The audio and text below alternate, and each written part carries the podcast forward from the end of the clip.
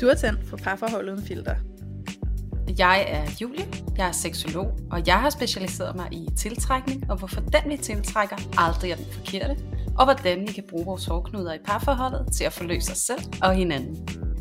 Og jeg er Louise, jeg er selvværdscoach. Jeg hjælper kvinder med at få et kærlighedsfyldt og ligeværdigt parforhold ved at lære at elske sig selv først. Og sammen tager vi filtret af parforholdet. Hej og velkommen tilbage her til Parforhold Uden Filter. Så i dag der er vi klar med et sprit nyt afsnit, som handler om, om dine skygger saboterer dit parforhold. Og øh, hvis du er trofast lytter, så øh, har du nok hørt Julie og jeg snakke om skygger i nogle af vores tidligere afsnit, hvor vi sådan kort berører det her med skygger. Og øh, måske er du efterhånden blevet ret nysgerrig på, hvad skygger er. Og nu synes vi, at det er på tide, at vi... Øh, kommer det lidt nærmere og finder ud af, hvad er skygger egentlig, og hvordan kan de spænde ben eller direkte sabotere dit parforhold, og hvordan kan du også arbejde med det, sådan, så det ikke kommer til at sabotere dit parforhold. Så øhm, der er en hel masse spændende i det her med skygger, og der er både lyse skygger, og der er mørke skygger, og det er super, super spændende. Men øhm, nu synes jeg lige, vi starter med at sige hej til dig, Julia. Hej Louise.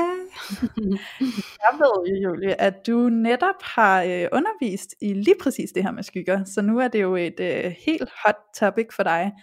Øhm, og derfor så tænker jeg, om ikke det er oplagt, at du lige tager og forklarer os lidt om, hvad de her skygger faktisk går ud på. Jo, det kan jeg da mm. godt, og tak for at give mig en lille smule præstationsangst her oh. allerede i starten af afsnittet. Ej, det er rigtigt nok. Jeg, jeg har lige haft øh, fingrene i det for ganske nylig, så derfor så ligger det også sådan, hvad kan man sige, relativt lige til. Og så alligevel, så har jeg det også altid sådan med de her skygger, at det er et kæmpe øh, stort øh, felt og emne og rummer så mange nuancer og facetter, og derfor synes jeg jo bare, at det er mega fedt, at øh, vi sidder her sammen, så vi kan rigtig kan få foldet det ud og få en hel masse nuancer med. Øhm, men som vi lige snakkede om, så, øh, så giver det altså mening, når vi skal begynde at, øh, at sætte os lidt ind i de her skygger og finde ud af, hvad det er for noget, at vi går sådan lidt øh, teoretisk til værks, sådan lige fra start. Så øh, det vil jeg tillade mig at gøre. Øhm, jeg plejer altid at øh, åbne op øh, med at fortælle, at vi som udgangspunkt, når vi kommer til verden, er født hele. Så øh, hvis nu, at jeg stod i et undervisningslokale lige nu, så vil jeg tegne en cirkel på en tavle. Og det skal ligesom symbolisere det her hele menneske, vi er, når vi kommer ind i verden. Vi ved ikke, om det vi gør, det er rigtigt eller forkert, eller anerkendt eller ikke anerkendt, fordi at øh, babyer, som øh, mange af jer sikkert er bekendt med, øh, de skider når de vil, de græder når de vil, øh, de sutter på nærmest hvad de har lyst til, og smider med maden og er fuldstændig ligeglade, fordi de kender slet ikke forskel på godt og skidt. Det der så sker, det er, at den her lille baby, der er kommet til verden, den bliver jo opdraget. Øh, det er et vilkår for de fleste af os, at vi kommer igennem en eller anden form for opdragelse, og de varierer jo også alt efter, hvad det er for en familie, vi bliver født ind i. Men det, der sker, når vi bliver opdraget, det er, at øh, fra at være den her hele fine cirkel, hvor der ikke er nogen brud på overhovedet, den begynder stille og roligt at blive mere og mere stiplet. Så det vil sige, at der mangler faktisk øh, nogle markeringer i den her cirkel, så fra at være en hel cirkel, så har vi en stiblet cirkel, hvis I kan forestille jer det. Og det, der kommer til at mangle på de her huller i den her cirkel, det er alle de her egenskaber, som vi ikke er blevet anerkendt for at have.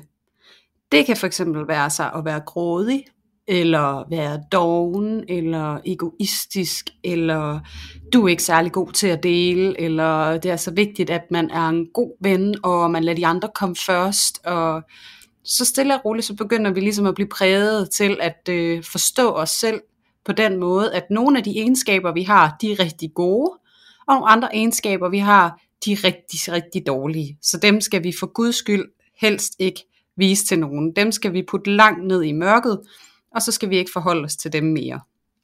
Men det der er med øh, det kære menneske, det er, at vi fuldstændig underbevidst altid har en længsel efter at være hele og det er også noget af det, der sker, når vi skal ud og finde en partner. Og øh, der er sikkert rigtig mange af jer lytter derude, der kender den her øh, klassiker med You Complete Me. Og øh, det er altså lidt, øh, det, lidt i tråd med de her skygger. Det er faktisk, at øh, vi får sådan en oplevelse af at være helet, men den er lidt kunstig, fordi det er egentlig noget, vi skal lære at blive i os selv. Så når vi søger at blive helet, øh, så er det faktisk at kunne eje de her egenskaber igen, og igen få den her oplevelse af, at vi er okay med alt, hvad vi er. Ja, og alle de her kære egenskaber, som vi er blevet udskammet for, de er bare helt nede og skrab og væk, og det er faktisk de her egenskaber, som ender med at være vores skygger.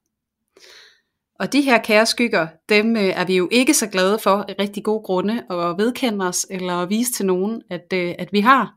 Så derfor så øh, helt underbevidst, så begynder vi at kaste dem over på andre og øh, blive ekstremt forarvet, når vi ser dem over i andre, fordi at øh, det har vi lært tidligt i livet, at det der, det er altså ikke måden, man får succes på her i tilværelsen. Så øh, ja, jeg tror, det var sådan en, øh, sådan en et oprids overordnet på skygger, og hvad de kommer af.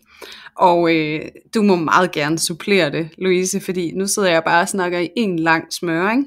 Så, øh, så hvad tænker du, og er der noget, du tænker, sådan, du vil add on her i indledningen? Øh, det, uh, det er et svært spørgsmål, Julie, fordi som du selv startede med at sige, så er det jo mega bredt. Så lige nu, der synes jeg bare, det var fantastisk, at du lige tog netop sådan en lang stræk, hvor du lige forklarede det helt fra nul af, ikke? Sådan, så det er nemt at følge med i, hvad er de her skygger egentlig for noget, hvor kommer de fra, hvordan danner vi dem, og hvilken betydning har de for os i vores liv. Øhm, og og det, det fylder bare så meget mere i vores hverdag, end de fleste faktisk er bevidste om. Og det spændende er jo netop at blive bevidst om vores skygger, sådan, så vi også kan tage lidt hånd om dem, og sådan, så de ikke får lov til at fylde på en negativ måde i vores hverdag, fordi de rumsterer, og de er faktisk sådan lidt en djævel, ikke? fordi jeg synes tit, at skygger det er sådan nogen, der faktisk er med til at gøre os lidt i dårligt humør, eller de er med til at starte en konflikt eller et skænderi eller et eller andet mellem, øh, mellem os, mm. altså i parforholdet eller alle andre steder i din hverdag. Så, øhm, så sindssygt spændende introduktion, Julie. Det synes jeg er super godt. Og den her øhm, cirkel, der bliver stiplet, jo mere at vi bliver frataget kvaliteter, egenskaber, som vi ikke længere tror, vi må være. Super godt billede, og jeg vil også bare referere det tilbage. Måske er der nogle af jer lyttere, der kan huske, når vi har snakket om badeboldseffekten, hvor man ligesom står nede i vandet, og, og der er de her, lad os sige, øh, 5-6 forskellige badebolde, som måske er at være egoistisk, eller er at være doven, eller at være grådig, eller noget i den stil. Og det, det skal du forestille dig, der står på hver af de her badebolde, og du står i vandet og prøver holde det alle de her badebolde under vandoverfladen, fordi der er ikke nogen, der må se dem, og du bruger hænder og fødder, og til sidst så er der så mange badebolde, du kan ikke holde det hele under overfladen, så til sidst så eksploderer det bare op, og alle de her badebolde, de hopper op over vandoverfladen, og lige pludselig er de bare synlige for alle, fordi du ikke kunne holde det inde længere. Og det er jo tit det, der sker, når vi virkelig bruger super meget energi på at undertrykke alt det, som vi ikke føler os komfortable med at være. Alt det, som vi tror, vi ikke må være, fordi så kan vi ikke være elsket, eller så kan vi ikke være accepteret, hvis vi er sådan. Og puha, altså jeg sidder og bliver sådan helt anstrengt lige nu bare ved at sige det, fordi mm. nøj, hvor kan det være hårdt at skulle skjule og holde hemmeligt, og skamme sig, og puha, og føle, man ikke er god nok, fordi man måske føler sig egoistisk, eller øh, et eller andet andet, ikke? og det er så anstrengende, og til sidst så er du bare færdig, så er du bare sådan, jeg kan ikke mere, altså, og så eksploderer du enten indad eller udad, ikke? Altså, ja. øhm, men jeg synes også, det er spændende, Julie, det her med at komme omkring, at der jo både er mørke og lyse skygger, fordi at, øhm, det synes jeg er et ret interessant felt i alt det her. Mm-hmm. Øhm, og jeg tænker, at det kunne vi jo sagtens komme ind på ved netop at bringe nogle øh, erfaringer i spil. Mm. Det er jo nemlig sådan, så at øh, min kæreste, som, som jeg er sammen med nu, mm. øh, ham mødte jeg på en arbejdsplads. Og øh, jeg blev faktisk helt vildt tiltrukket af en lys skygge, jeg havde i ham, eller på ham. Og øh, en lys skygge, det er faktisk, når andre evner at være eller gøre noget, som vi selv ser helt vildt meget op til, og som vi faktisk selv ønsker os noget mere af i os selv men som vi måske ikke helt har følt adgang til, eller ikke helt ved, hvordan vi skal implementere i os selv.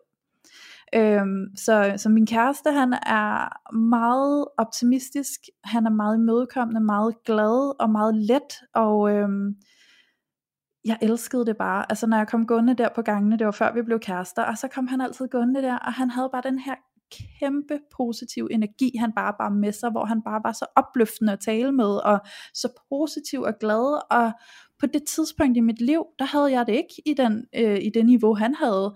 Og jeg blev så tiltrykket af det. Jeg var bare sådan, ej, jeg skal have noget mere af ham der. Jeg skal snakke mere med ham. Jeg skal op have kaffe lidt oftere for at stå ind i ham, så vi kan stå og snakke, og jeg kan få noget af det der boost, han bringer for dagen. Ikke? øhm, og det er, en, det er en lys skygge. Det vil sige, det er en positiv skygge, jeg har på ham, fordi det er faktisk noget, der er inde i mig, men jeg har bare ikke tilladt det at være noget, jeg bruger. Øhm, så det, det har fået lov til at blive forputtet lidt, men det er faktisk noget, jeg har adgang til at kunne tage ind til mig selv, og faktisk mm. være noget mere af selv. Øhm, og det udfolder sig jo automatisk, når du så øh, går det i møde, kan man sige. Øhm, den anden vej rundt kan man også godt reagere negativt på en lys skygge, altså en positiv skygge. Og det er her, hvor at jeg tænker, det kan give et meget godt billede, måske at referere til janteloven. Så når det er, at øh, du ser andre, der klarer sig godt, andre, der har succes, andre, der opnår noget, du også gerne selv vil opnå, at du så bliver lidt svær og sådan lidt, ja, de skal ikke tro, de er noget, ja, ja, og det er sikkert ikke ægte, eller når du sådan går ind i den der lidt misundelses- eller jalousi-zone, på andre, der klarer sig godt, som har det godt, eller har noget, du gerne vil have. Ej, se dem der, de lever bare sådan et liv, de rejser rundt, hold da kæft, ej, hvor skal de blære sig med det hele tiden, var fedt, fedt, fedt. Altså, så, så er der en, en lys skygge, som du reagerer negativt på, fordi i virkeligheden, så gør de det, som du gerne vil, det er du selv længes efter, men nu ender du faktisk med selv at blive øh, lidt svær og lidt misundelig og reagere meget negativt på det. Øhm, så du kan både reagere positivt og negativt på en lys skygge. Mm. Øhm, og så har vi jo de mørke skygger, Julia. Det er jo nok dem, som vi oftest møder i vores hverdag i virkeligheden. Ikke? Ja. De her meget velkendte. Og det er jo, som du selv sagde, altså, der er jo nærmest et kartotek over øh, egenskaber, som der sådan på øh, socialt plan er blevet nedstemt til at være negative. Mm. Det her skal du helst ikke være. Du skal helst ikke være egoistisk. Du skal helst ikke være grådig. Du skal helst ikke være doven. Du skal, altså, der er bare mange ting, vi helst ikke skal være, og det er nærmest bare sådan blevet norm for alle, at det skal du selvfølgelig ikke være. Og så er det jo da fandme også svært at komme frem i verden og være det. Men, øh, men det jeg godt kan lide at arbejde med, når jeg arbejder med skygger, det er det her med at se på, at en skygge øh, altid har en god side og en dårlig side. Og jeg mm. gør det lidt op i, hvor meget lader du den her egenskab fylde. Fordi det kan godt være rigtig sundt at være egoistisk. Men du kan også være egoistisk på en måde, som, som bliver øh, dårlig for dig selv og for andre. Så på den måde, så, så i mine øjne handler det om, hvordan du ser du det her, den her egenskab, men hvis du fuldstændig slukker for den og siger, jeg må aldrig være egoistisk, så er du altså lidt på øveren, fordi der er rigtig mange gode ting i livet, som du er nødt til at være egoistisk for at kunne opnå. Øhm, bare det at passe på dig selv, er at være, øh, kan for nogen se ud som om, at det er egoistisk, men i virkeligheden passer du bare på dig selv, ikke? Ja, og plus, altså en ting er, hvis du ikke vil være det, det ændrer ikke på, om du er det. Altså, fordi tit og ofte, så er vi jo egoistiske, altså i et ja. eller andet format, og i et eller andet aspekt af vores liv, eller i en eller anden situation, der er vi nødt til at være egoistiske. Og det der egentlig lidt er hagen ved det, og en af grundene til, at vi også snakker om, om du kan sabotere dit parforhold med dine skygger, det er jo fordi, at hvis du ikke selv vil vedkende dig, at det er du, så begynder du at projicere det over på din partner. Så begynder mm. du at kaste med dine skygger. Og så er det ligesom, at vi står i den der situation, som vi også har i tale så rigtig mange gange, med at du tager ikke ansvar. Ja. Du tager ikke ansvar for dig selv, og det handler ikke om, og jeg tror, det er noget af det, vi er nødt til at lære, når vi snakker om skygger. Det handler ikke om, om du er det eller ej. Det handler om at være okay med, at det er du også. Mm. Du skal mm. ikke nødvendigvis vedkende dig, at du ultimativt er en egenskab. Du er ikke udelukkende egoistisk. Men at komme til et punkt, hvor du kan være i fred og accept med at fortælle dig selv, ja, det er jeg også. Mm. Fordi så er du ikke i krig med den her skygge længere, og så kan du tage ansvar for den, og stoppe med at kaste den over på din partner. Ja, og Julia, når du lige siger det der, ikke? Så mm. kommer der lige en impuls herfra, fordi jeg kan mærke, at jeg lige kommer i kontakt med, der kan jo også være de her øh, egenskaber i os selv, som vi nærmest decideret bliver sådan lidt hoverende stolte over at være. Mm.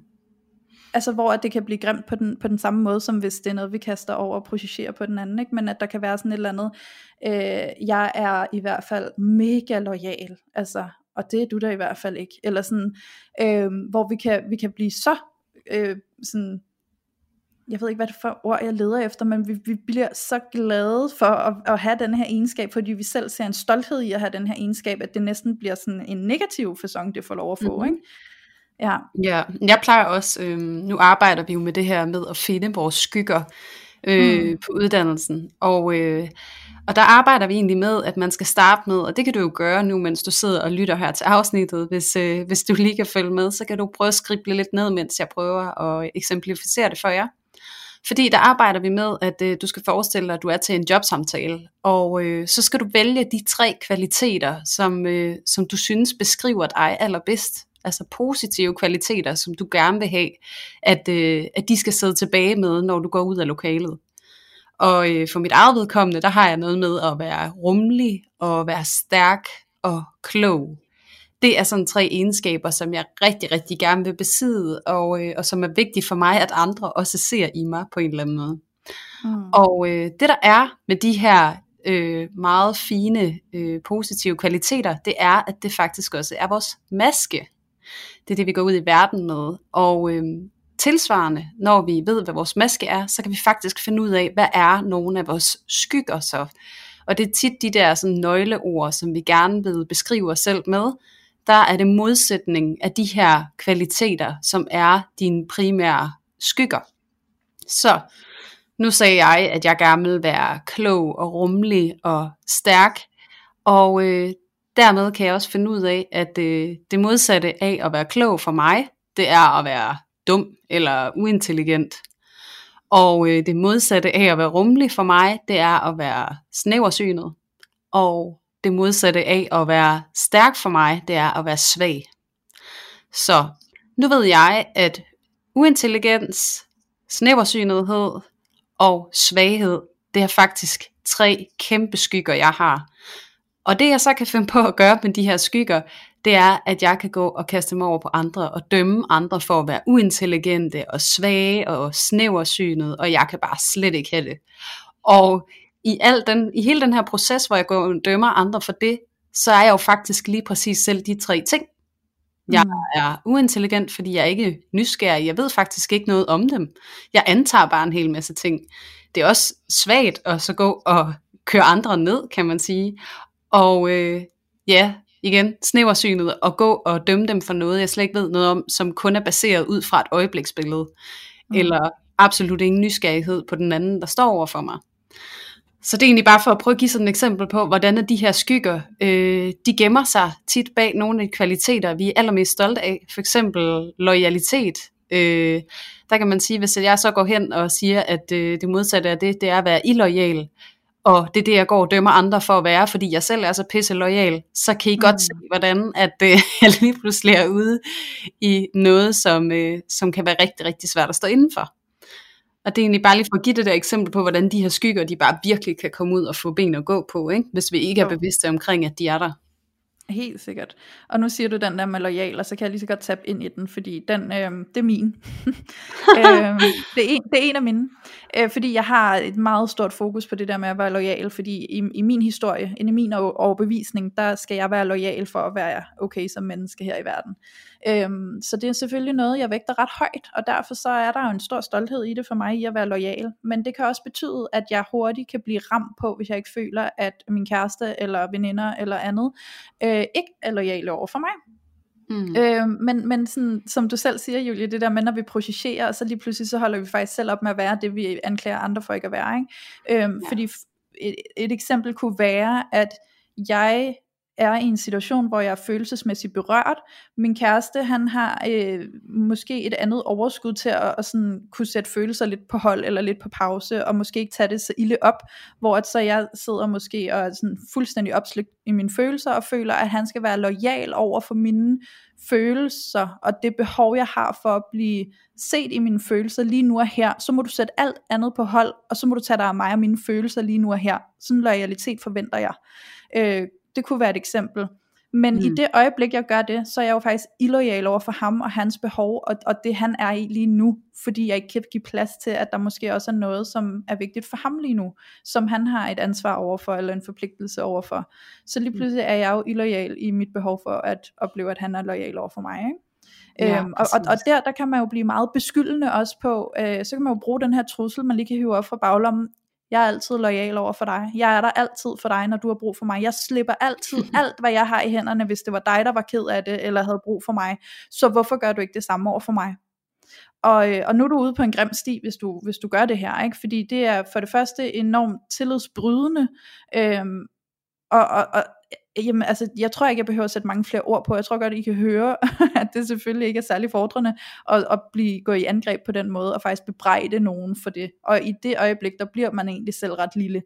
Øhm, Ja, og så plus at det du faktisk gør i den situation, det er det som nogen har gjort mod dig, ikke? Altså dine jo, forældre jo. gennem den her opdragelsesproces, ikke? De har vist dig hvad det er du skal være og hvad du i hvert fald ikke må være, ikke? Jo. Og så det står du bare og giver videre øh, fuldstændig øh, ubevidst i et eller andet format, ikke? Hvor man bare selv står netop og udskammer nogle øh, kvaliteter eller egenskaber for eksempel i loyalitet, ikke? fordi at mm. du har fået at vide, man er blevet så indoktrineret med, at det er forkert at være, ja. øh, så man kan ikke se noget af det gode i det. Og, øh, og med din tilladelse, Louise, så kan jeg egentlig godt tænke mig, øh, nu havde jeg det her med at finde ens maske, og så finde nogle skygger, og jeg kunne godt lige tænke mig at prøve at tage den skridtet videre, fordi der er faktisk øh, en mere, jeg godt kunne tænke mig at få med, sådan at vi lige kan se, hvordan de her skygger, de rigtig leger kispus med os i det her parforhold. Må jeg det? Ja.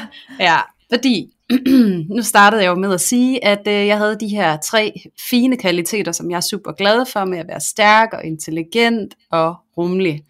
Og jeg kan slet ikke fordrage, at man er uintelligent, jeg kan ikke fordrage, at man er snæversynet, og jeg kan ikke fordrage, at man er svag.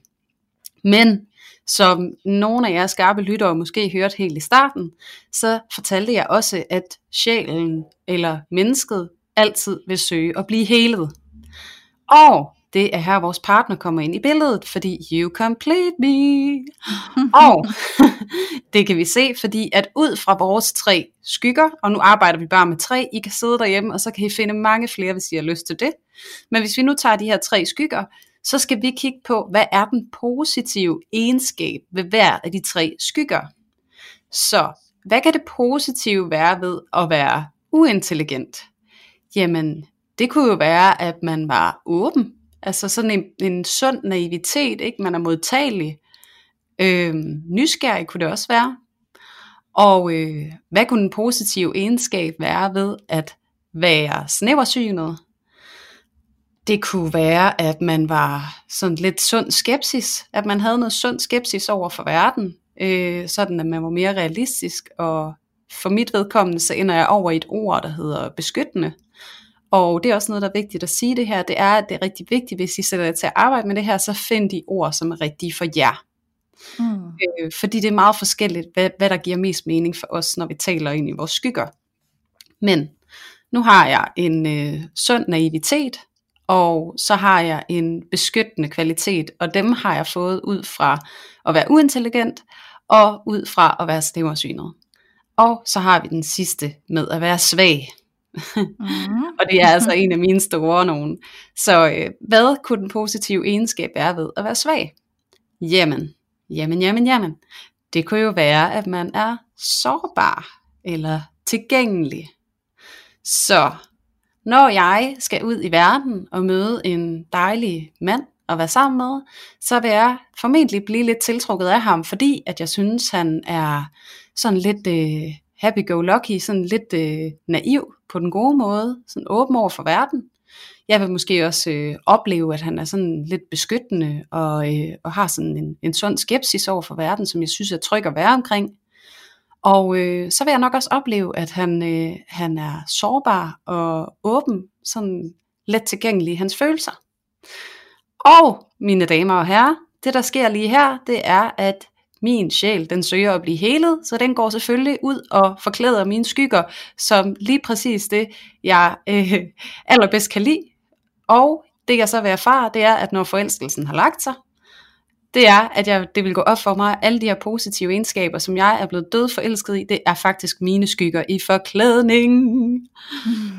det er min partners maske, jeg er blevet forelsket i. Tilsvarende er han blevet forelsket i min maske. Så mm. han vil erfare, at han skal møde sine skygger sammen med mig, lære at acceptere dem, rumme dem, medmindre at vi skal gå i krig med dem. Fordi så går vores parforhold i stykker, hvis det er den vej, vi vælger. Og omvendt, så er jeg også nødt til at lære at elske mine skygger, sådan at jeg kan bevare mit gode forhold til ham. Så det er også noget af det, vi har talt om i andre afsnit. Der har jeg trukket lidt på den kære Jytte Wikkelsø, som har skrevet den fantastiske bog, Derfor forelsker du dig aldrig i den forkerte. Fordi det lige præcis er det her, hun viser rigtig fint. Det er netop, at vi tiltrækker os en partner, som har det kæmpe potentiale at kunne forløse os og krænke os på en og samme tid. Og der kan vi altså gå ind og arbejde og kigge på de her skygger, for ligesom at få blik for, jamen hvad er det så helt specifikt for mig, som jeg skal udfordres på og forløses i. Så, da, da, da, dum. It's the devil in disguise, som yeah. Elvis har sunget, ikke? Og det, det er jo også sjovt, ikke? Altså man kan også se det i musikken, ikke? Også det der, I thought you were different, ikke? Der er alle de her klichéer, som egentlig eksemplificerer lige præcis det her med, at vi bliver så grusomt overrasket, ikke? når at det går op for os, at vi er havnet lige præcis med, aller, med det, vi allermindst kan lide i hele verden, fordi at der er simpelthen en mening med galskaben. Ikke? Vi skal lære at rumme det her i os selv, og, og tage den der udskamning væk, som vi blev tildelt tidligt i vores liv. Og igen, det er ikke fordi, vi bare skal være full-on egoister, eller full-on øh, uintelligente, eller naiv, eller whatever jeg kan komme med af, af eksempler, eller svage for den sags skyld. Men det der med at lære bare at slutte fred med, at det er jeg også. Ikke at gøre det forkert, men bare sige, det er jeg også. Ja. Det er der, hvor at den her forløsning, den ligesom dukker op, fordi at når du kan virkelig sige det til dig selv, mærke at du mener det, at det fandme også okay, jeg er svag. Det er jeg helt okay med. Så vil du også begynde at kunne, hvad kan man sige, manifestere det i dit parforhold og acceptere det i din partner. At de også kan udvise de her egenskaber. Fordi du ikke er krig med dem mere, ikke? Mm. Ja, jeg tænker også, at det er en stående invitation i virkeligheden til, at øh, når du mærker irritation og provokation i dit parforhold øh, mellem dig og din partner, i stedet for at få øh, tankerne på, om du skal forlade det, gå fra det, flygte fra det, så bliv i det, fordi ellers er det det her, vi har snakket om tusind gange før, så flytter næsten bare med, fordi så får du ikke mm. ryddet op i det, du får ikke accepteret det, du får ikke lukket det ind, så når du møder en ny partner, så går der lige præcis det her halve, hele eller to år, og så er du tilbage i samme rille igen, ikke? bare med et andet ja. menneske. Så, ja. så det er den her invitation til i virkeligheden, at når du kan mærke, at du bliver provokeret af din partner, så prøv at kigge ind af Altså det er den her dybe klassiker med kig ind af, hvad er det, det fortæller mig? Hvorfor bliver jeg provokeret af det? Fordi din provokation handler ikke om din partner, din provokation handler om dig. Så det handler om at finde ud af, hvorfor bliver jeg provokeret af det her? Øh, jeg har hørt min kæreste nogle gange sige til mig sådan, ej det er simpelthen så egoistisk. Og hvor jeg bare har været sådan, og hvad så?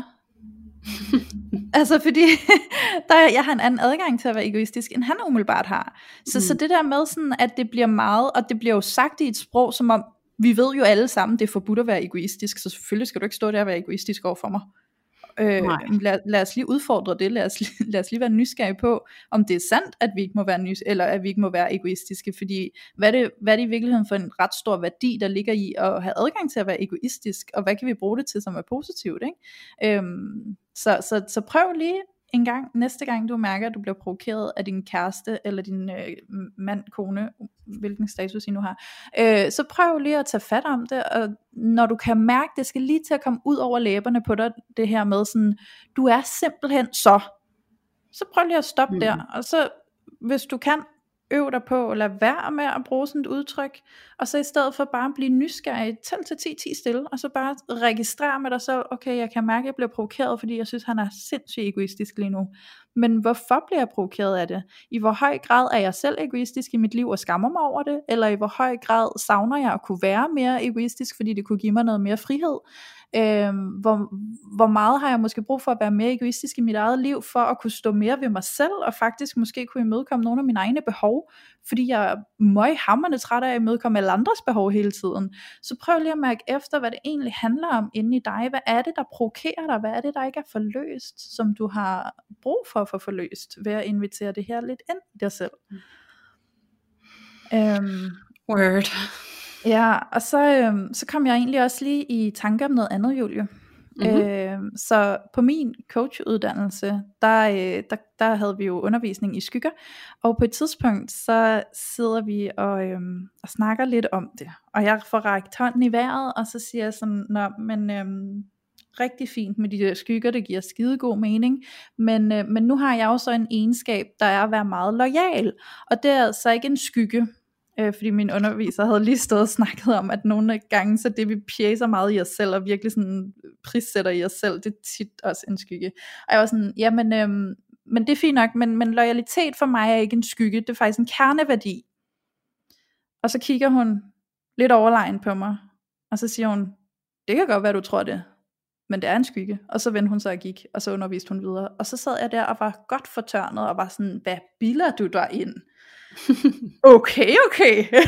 så først blev jeg jo voldsomt provokeret over hendes kommentar, og særligt, at hun bare sådan totalt overlegnet mente, at det var sådan, det var, øh, og det var der ingen tvivl om, hvor jeg tænkte sådan, nej, nå. Men øhm, nu var jeg jo så heldigvis et sted i mit liv, hvor jeg var åben over for at blive udfordret på den måde, så da jeg lige havde været fortørnet i et par sekunder, så tænkte jeg, hmm, kan jeg vide, om hun har, øh, har noget på det? Og så begyndte jeg jo alligevel at udfordre det, og så gik jeg jo til hende efter undervisningen, og fik lov til at udforske det lidt med hende, og fandt jo faktisk ud af, at det der med loyalitet er jo, øh, det kan godt være, at det både er en værdi for mig at være lojal, fordi det er noget, jeg synes, der er en rigtig stor værdi i, men øh, der er også en, en, en, en låsning i det for mig, fordi lige pludselig så har jeg ikke adgang til at være illoyal, og hvad betyder det lige pludselig? Mm-hmm. Det betyder, at i min jagt på at være enormt lojal over for alle andre, der bliver jeg faktisk illoyal over for mig selv og mine egne behov. Jeg får ikke opfyldt mig selv længere, fordi at det er vigtigere for mig at være lojal for andre, så jeg hopper og springer for andre, når de har brug for det, i stedet for lige at overveje, om jeg selv har rum til at være der for andre lige der og faktisk mm. øh, øve mig i at blive lojal over for mig selv, i stedet for over for andre, og så derefter kunne begynde at justere og dosere det sådan, så at jeg kan være det, både for andre og for mig selv. Men det krævede af mig, at jeg turde være illoyal over for andre, i de situationer, hvor jeg normalt følte, at jeg skulle være lojal. Øhm, så det kan godt blive en nervepirrende proces, og det kan godt være grænseoverskridende at skulle, at skulle øve dig i at gøre det modsat af, hvad du er vant til. Men det er altså også det, der er brug for, hvis du skal prøve at komme lidt ud af dit musehul, og faktisk øh, få nogle forandringer på bordet. Ikke? Hmm.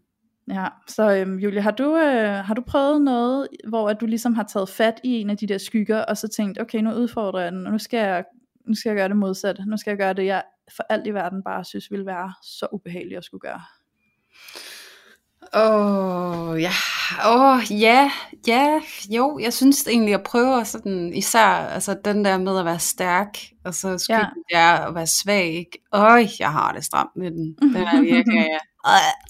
Ja. Og det var fordi det der med at være stærk, det har virkelig bare øh, været kæmpe overlevelsesstrategi for mig. Altså kvæg alt, hvad der er sket i mit liv, ikke? Så, så det er jo også, der er jo faktisk også noget frygt ved, sådan at skulle prøve at slippe de her, øh, hvad kan man sige, strategier lidt, og så embrace den her skygge, der ligger på den her strategi. Ja. Øh, så det her med at være svag, og, og igen, nu prøver jeg sådan at vende det lidt mere over til at være sårbar, altså, og ikke rigtig, altså sådan lidt, lidt over i det hjælpeløse måske. Ja det, det, det prøver jeg virkelig at embrace, men jeg synes godt nok også, at det er helt vildt udfordrende, og, og det tænker jeg også lige sådan at være at, at notere til jer, som sidder og lytter med, at det jo ikke, altså, det er sagde ikke bare easy peasy work det her, fordi at det er så dybt forankret i os, at de her øh, egenskaber, de er bare lodret forkerte at besidde. Øh, mm. Så du er virkelig op imod, øh, hvad kan man sige, et helt liv med en overbevisning om, at, at det her, det må du bare for guds skyld ikke være. Ja. Så jo, altså når jeg, når jeg er nede eller har dårlige dage, så er det jo også det her med at turde tillade mig selv at være det, og, og for at tillade mig selv at være øh, svag, så, øh, så kræver det nogle gange, at jeg er nødt til at bede om hjælp.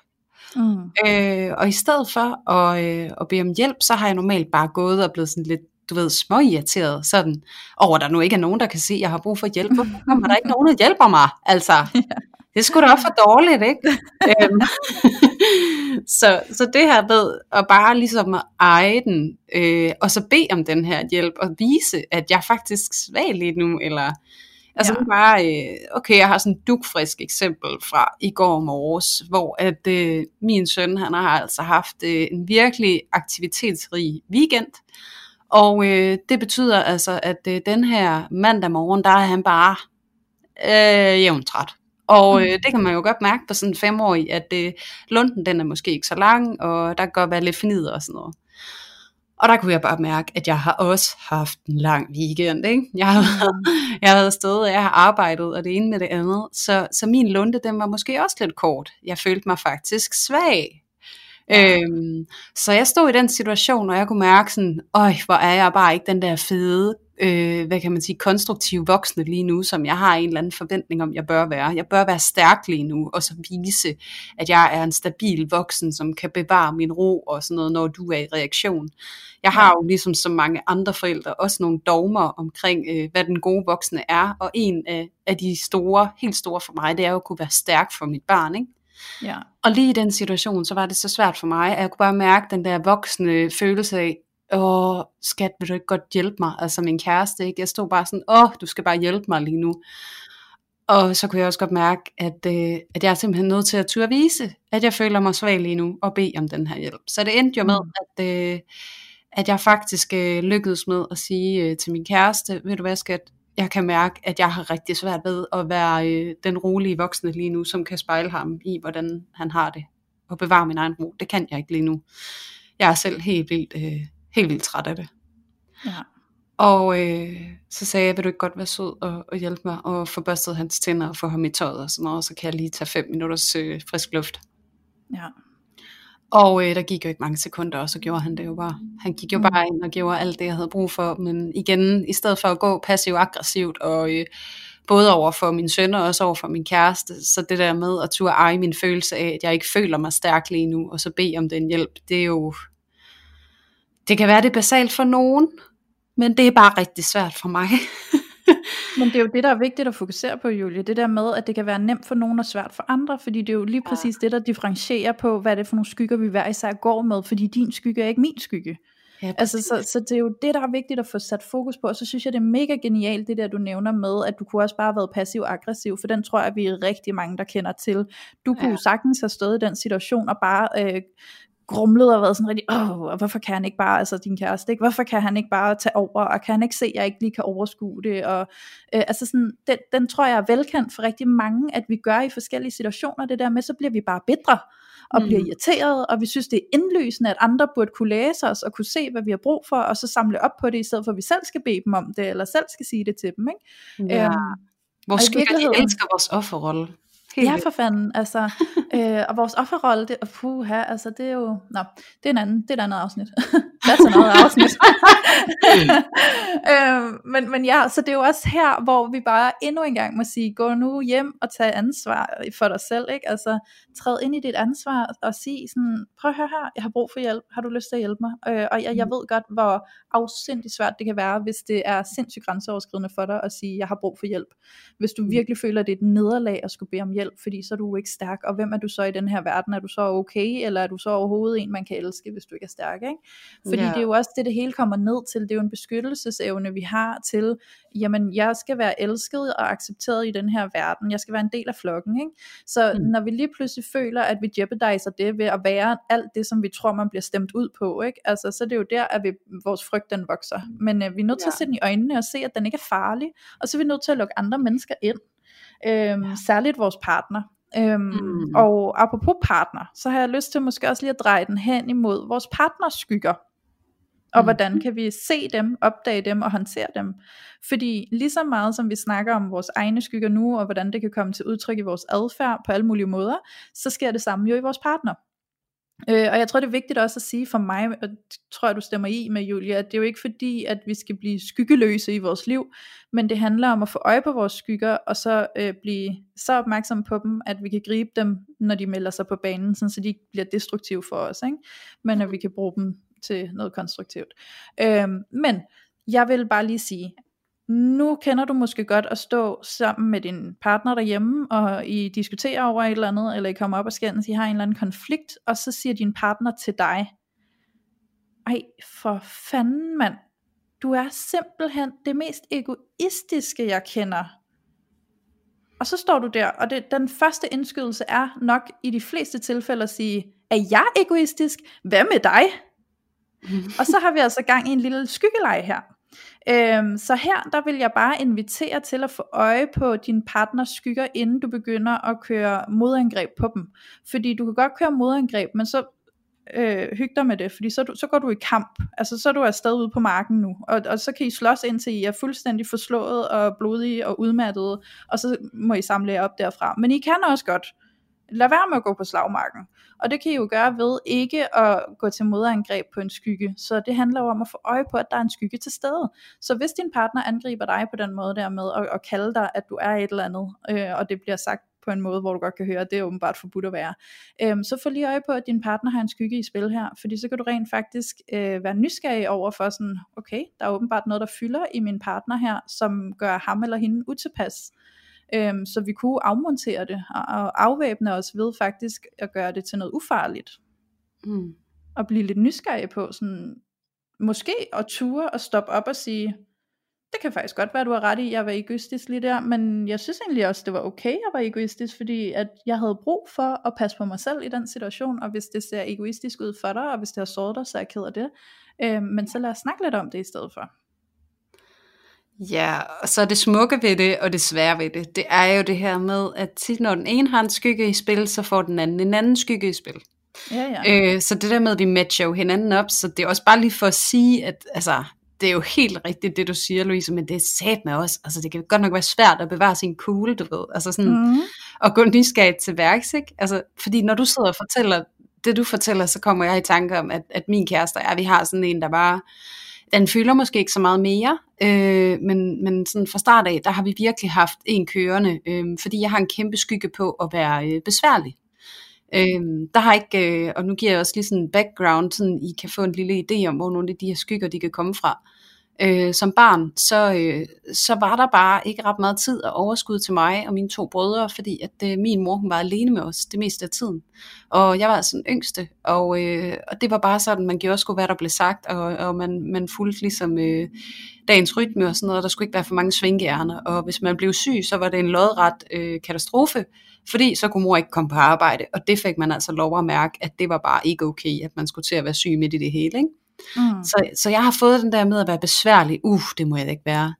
Tilsvarende, så har øh, min kæreste sådan en med, at øh, han føler ikke, øh, altså det der med at blive forstyrret, det, det bryder mm. han sig ikke om.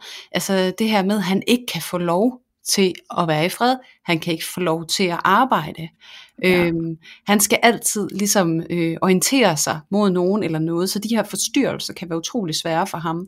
Perfect så der kan du godt se, ja, der har vi bare sådan en af de der, øh, hvis nogen af jer kender Jytte Vigelsø, eller skal til at, at læse ind i det, efter vi har anbefalet hende her, så er det en af de der mytiske hårknuder, kalder hun mm. det, ikke? hvor ja. vi kvæg hver vores individuelle historie ligesom kan lave eller genindspille den her fantastiske øh, katastrofe, som vi begge to vi har med for hver vores barndom, ikke? i hver vores, øh, hvad kan man sige, billede. Ikke?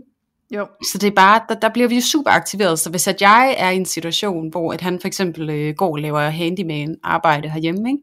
Og så er jeg lige øh, skal spørge om et eller andet, eller kan vi lige, eller kan jeg lige få lov til at give dig den her besked, så, så kan han godt blive sådan helt opgivende og smide alt, hvad han har i hænderne, og så bare sige, det er lige meget, jeg gør det på et andet tidspunkt. Fordi han har den her, jeg kan bare ikke få lov til at arbejde, jeg skal bare forstyrres hele tiden, jeg kan jo ikke koncentrere mig, og jeg går fuldstændig i sneglehuset, eller skildpaddeskjoldet, eller hvad vi skal kalde det. Og ja. jeg har det bare sådan, åh nej, jeg er besværlig, og hvis jeg er besværlig, så bliver jeg ikke elsket, ikke? Altså sådan, jo. det er den værste følelse, ikke? Så altså, at, at tage sig selv i det, det ja. er bare multi svært. Og det er også bare lige for at sige, at, at det her med, at, øh, at kunne tale om det i situationen, kan bare være super pres. Men det kan det. noget af det, jeg, som... Jeg tror, altså, som det kommer an, No, sorry. Ja, jeg, jeg, jeg, tror lige, jeg laver lige en krølle på den, og jeg lover at være okay. hurtig.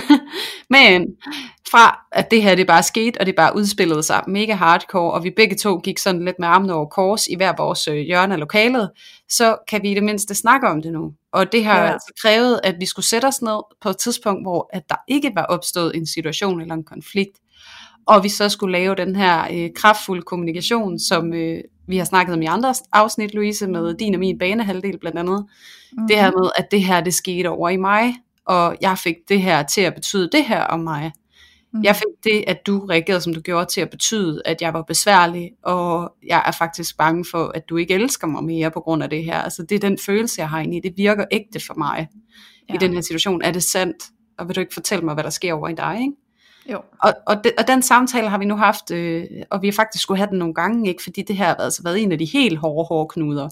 Så, så, så det der med, at, at når vi render ind i vores skygger, og de ligesom tager, øh, tager os med, med storm, så kan det altså være super fint lige at vente, og så lige tage den, når, at, øh, når der er lidt mere ro på. Bare ligesom en kærlig ja. anbefaling til, til dem, som gerne vil arbejde aktivt med det her det er et rigtig, rigtig, rigtig godt sted at starte. Netop det der med, at altså sådan, det kan være så afsindigt svært, fordi når vi står i det, så er vi jo også berørt af nogle følelser, og hvis det er nyt for os at kigge på skygger, så kan det også være svært at få øje på dem, og så når vi måske at træde i med begge ben, inden vi faktisk opdager, hvad det er, der foregår.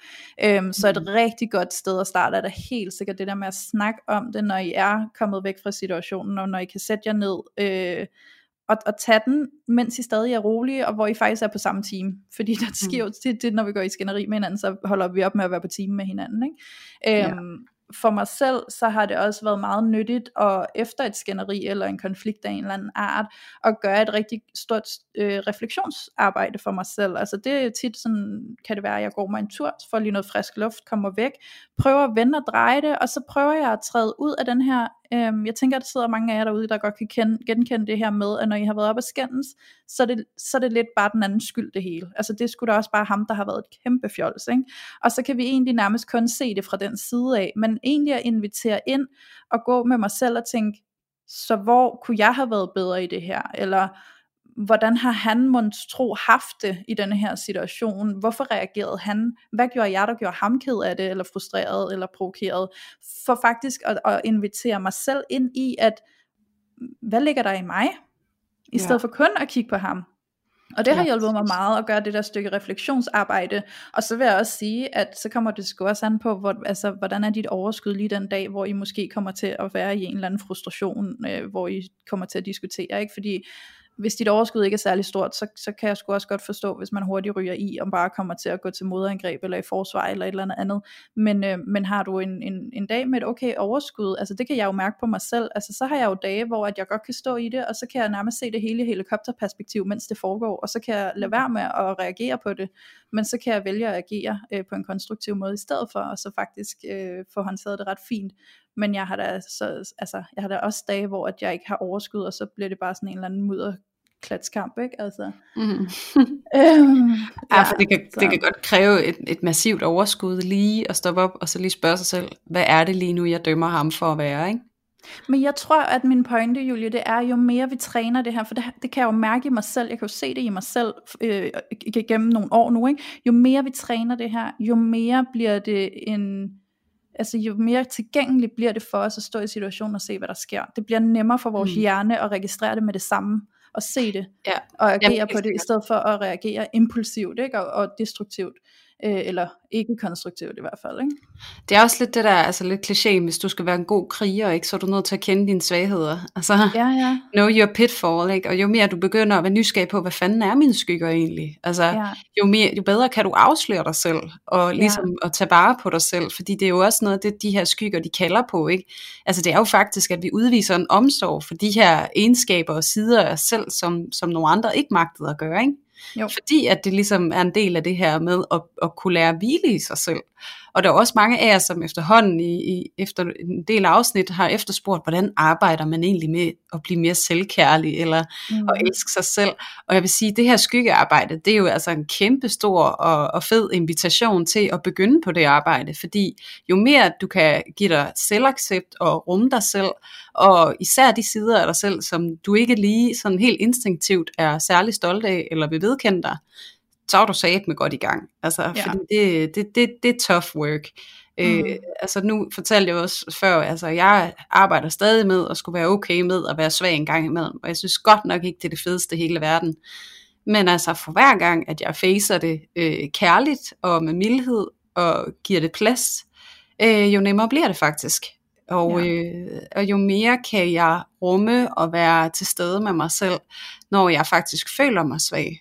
Øh, ja. Og det er jo nok der et eller andet sted, helt ironisk nok, at jeg har allermest brug for at være til stede over for mig selv. Ikke? Fordi det er jo en lille pige, som der engang blev fuldstændig øh, overset og negligeret, når hun var svag, fordi at det var det miljø, der var. Og, og den lille pige kan jeg jo ikke rigtig som voksen tillade mig at blive ved med at afvise, hvis man kan se det på den måde. Så det er jo virkelig mm. også, altså, de der skygger, de kalder jo virkelig på noget selvomsorg. Øh, ja. Så, så det de der. Ja, jeg får også, love work. Øhm, ja, og jeg får også kontakt til, øhm, i forhold til det, der du siger med, ligesom at ture og være øh, sådan kærlig og rummelig over for det øh, med sig selv. Jeg kan huske, at en del af min proces har handlet rigtig meget om at ture og stå i det, der er ubehageligt. Altså mm. så at jeg kunne stå i en situation måske med min kæreste, og så får han sagt, øh, nøj, hvor er du egoistisk, eller sådan et eller andet, hvor jeg godt kan mm. høre, det, det er ikke særlig øh, til, til fedt at være. i hans øjne. Ja, nej. øhm, og så den der panik, der kan opstå med sådan, fuck, hvad tænker han om mig nu, og synes han så ikke, jeg er en værdig partner for ham, eller altså sådan nogle tanker, der så kan opstå, fordi jeg godt kan høre på ham, at det der, det, det var nedsættende sagt, ikke? Mm. Øhm, men natur og altså det er jo sådan, altså ærligt talt, så kan vi jo godt snakke om, det lidt det her med at ture og tabe ansigt på en måde, ikke? Fordi så kan man ja. lige pludselig tænke, okay, så må jeg rette mig op og bare være sådan, jeg er i hvert fald ikke egoistisk, og det er jeg ikke, og så prøver man at bortforklare, undskylde, og jeg gjorde det jo bare fordi, og det havde ikke noget at gøre med at være egoist, og så kan vi køre derud af, ikke? Ja. Men faktisk at ture og holde en rank ryg, og, og stand your ground, og bare sige, okay, det kan godt være, at jeg var egoistisk. Og så bare, mm. øh, altså fuldstændig koldt vand i blodet, ikke? altså is i maven. Ja. Øhm, det har jeg trænet, det har været en måde for mig, fordi jeg havde ikke jeg havde ikke adgang til faktisk at gå ind og være rummelig og kærlig over for det. Så jeg mm. lærte mm. at gå en anden vej, hvor at hvis jeg tør have is i maven, og bare stå ved, og bare sige, okay, men så er det sådan, det er. Og så må du leave me if you got agtig ikke? Altså, øhm, yeah. og, og turde stå der, og så, og så derfra kunne jeg begynde at arbejde med det, fordi at det tog selvfølgelig et stykke tid, at jeg skulle stand my ground en hel masse gange, og kan stadig den dag i dag skulle stand my ground, men at ture det, og, og gøre det stykke arbejde, har kunne lede, lede mig hen til der, hvor det kunne blive mere kærligt og rummeligt. Ja. Og accepterende. Ja, og noget af det, som du egentlig kan gøre, hvis du har det der lille ekstra overskud, når du har arbejdet med de her, det er måske at faktisk spørge din partner, når vedkommende reagerer på dig, der ligesom øh, vedkender dig i dine skyggesider. Mm. Det er måske at spørge nysgerrigt, hvad gør det ved dig? Ja, præcis. At jeg er egoistisk. Fordi ja. så er I faktisk gået ind i et stykke arbejde sammen, fordi at hvis ikke at du reagerer på det, så er det ikke fordi du, så har du ikke en skygge på det. Så mm. det at din partner reagerer i første omgang, det er jo bare øh, et udtryk for, at der er noget her, der er svært for jer begge to. Og en invitation. Og, øh, præcis, det er bare en invitation til at lære hinanden bedre kende. Og det er jo virkelig det her med, altså nu arbejder vi også, øh, som vi sagde tidligere, når vi arbejder med skygger, så arbejder vi også med masker. Og det er jo faktisk virkelig at turde smide sin maske og så vise sine mm. skygger. Ikke? Det, det, det er det fine arbejde, vi kan lave i et parforhold, hvor vi virkelig kan rykke på vores egen udvikling og få et markant federe parforhold, hvis jeg må sige det ja. sådan. Det er jo faktisk næst, altså sådan, jeg får lige lyst til at knytte den her kommentar til, fordi det er, jo, det er jo faktisk det samme som mobning. Det er jo det samme som når man siger til børn, jamen hvis der er nogen, der mobber dig, øh, så skal du bare lade være med at gå ind i det. Ikke? Altså hvis der er nogen, der siger til dig, er din lille fede brilleab, så skulle bare vi sige, ja, jeg er en brilleab, og hvad så? Altså, så, så er der ikke nogen, der gider mobbe dig længere. Så kan det godt være, at de prøver at stikke lidt ekstra til dig, men på et eller andet tidspunkt, så er det ikke sjovt at mobbe dig, fordi du reagerer ikke. Det er jo lidt det samme, der sker, fordi der, der kunne man også kigge på det her barn og sige, hvad er det for en skygge, der bor over i dig, der, for, der, der giver dig et behov for at mobbe mig og være ond med mig nu, ikke? Så er det jo dig, der ikke har det godt. Så det er jo det, vi skal få øje på, også i det voksne liv og over for vores partner. Jamen, mm. okay, så du reagerer ret kraftigt lige nu og fortæller mig, at jeg er egoistisk. Hvad er det, der sker over i dig? Altså ja. måske prøve at imødekomme din partner med noget omsorg, fordi der er åbenbart et eller andet, der stikker i dem.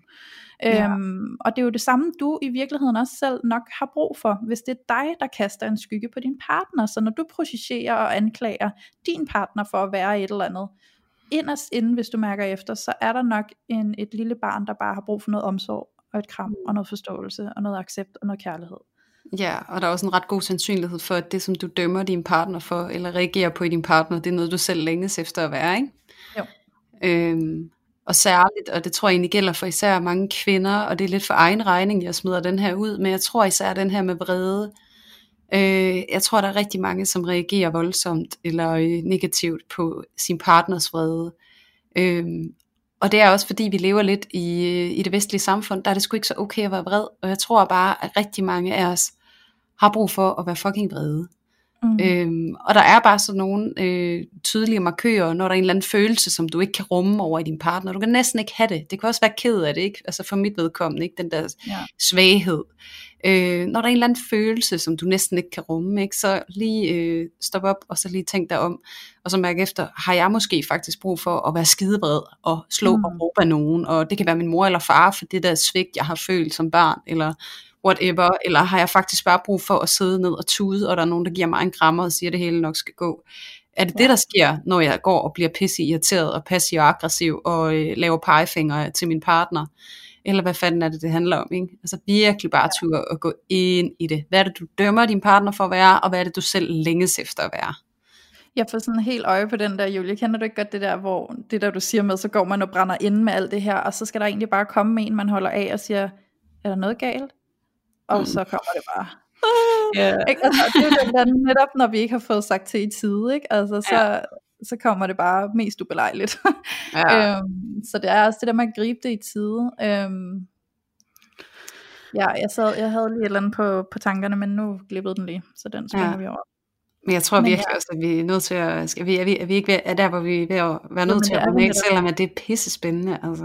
Ja, jeg sidder også bare og tænker, at hvis noget, nu har vi jo snakket lidt om det her med at lave part 2 af nogle afsnit, og hvis noget, så tror jeg, at det her er et, der fortjener noget ekstra ja. taletid. Men øhm, ja, jeg, jeg, jeg håber i hvert fald, at det øhm, har givet noget mening for jer øh, derude, og at, øh, og at det er blevet sådan forklaret på en måde, som er til at forstå, fordi det, det er et spændende og et mega dybt emne, og det er virkelig, virkelig, virkelig, virkelig effektivt at gå ind og arbejde med det her. Så det mm. må bare være vores allervarmeste anbefaling til at ture og kigge ind på dig selv og kigge på din partner og invitere det ind til udvikling, det her med at få øje på alle de skygger, der ligger og rumsterer bag dig.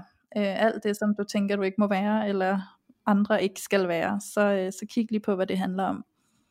Ja, hvor kan du spore det til, ikke? Altså, fordi jo. de her, øh, som, som afsnittet så fint hedder, øh, sabotere din skygge og dit parforhold, der er det simple svar simpelthen bare, ja, det gør de.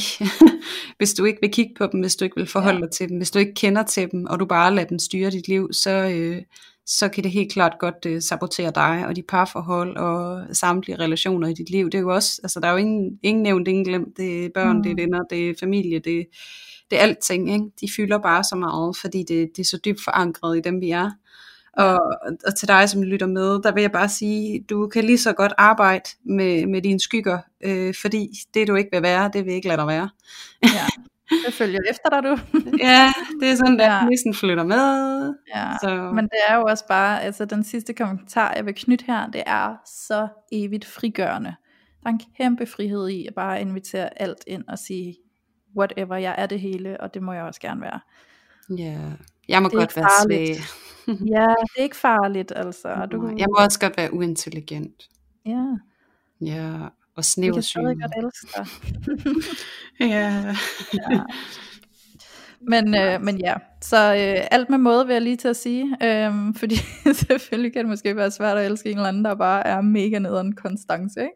Ja. ja. så øh, nej, det var bare en joke, men øh, jeg håber I forstår det. Ellers så kan den få lov til at hænge fint og ubrugt i luften, Louise, det er okay. ja. Skide oh, ja. godt. Men øh, tak for i dag, Louise. Ja, selv tak, Julie. Det var et afsnit. Ja, det var det godt nok. vi ses bare i næste afsnit, og I må endelig alle sammen rate os, øh, del os, kom ind i vores loge på Facebook. I er velkomne alle vejen på vores Instagram og det hele. Vi elsker yes. at have jer med. Ja. ja, det er så dejligt at være i kontakt med jer. Så øh, mm. gør det endelig, og så øh, have det helt fantastisk indtil vi lyttes ved på næste mandag. Ja, yeah, have det skønt. Hej. Hej.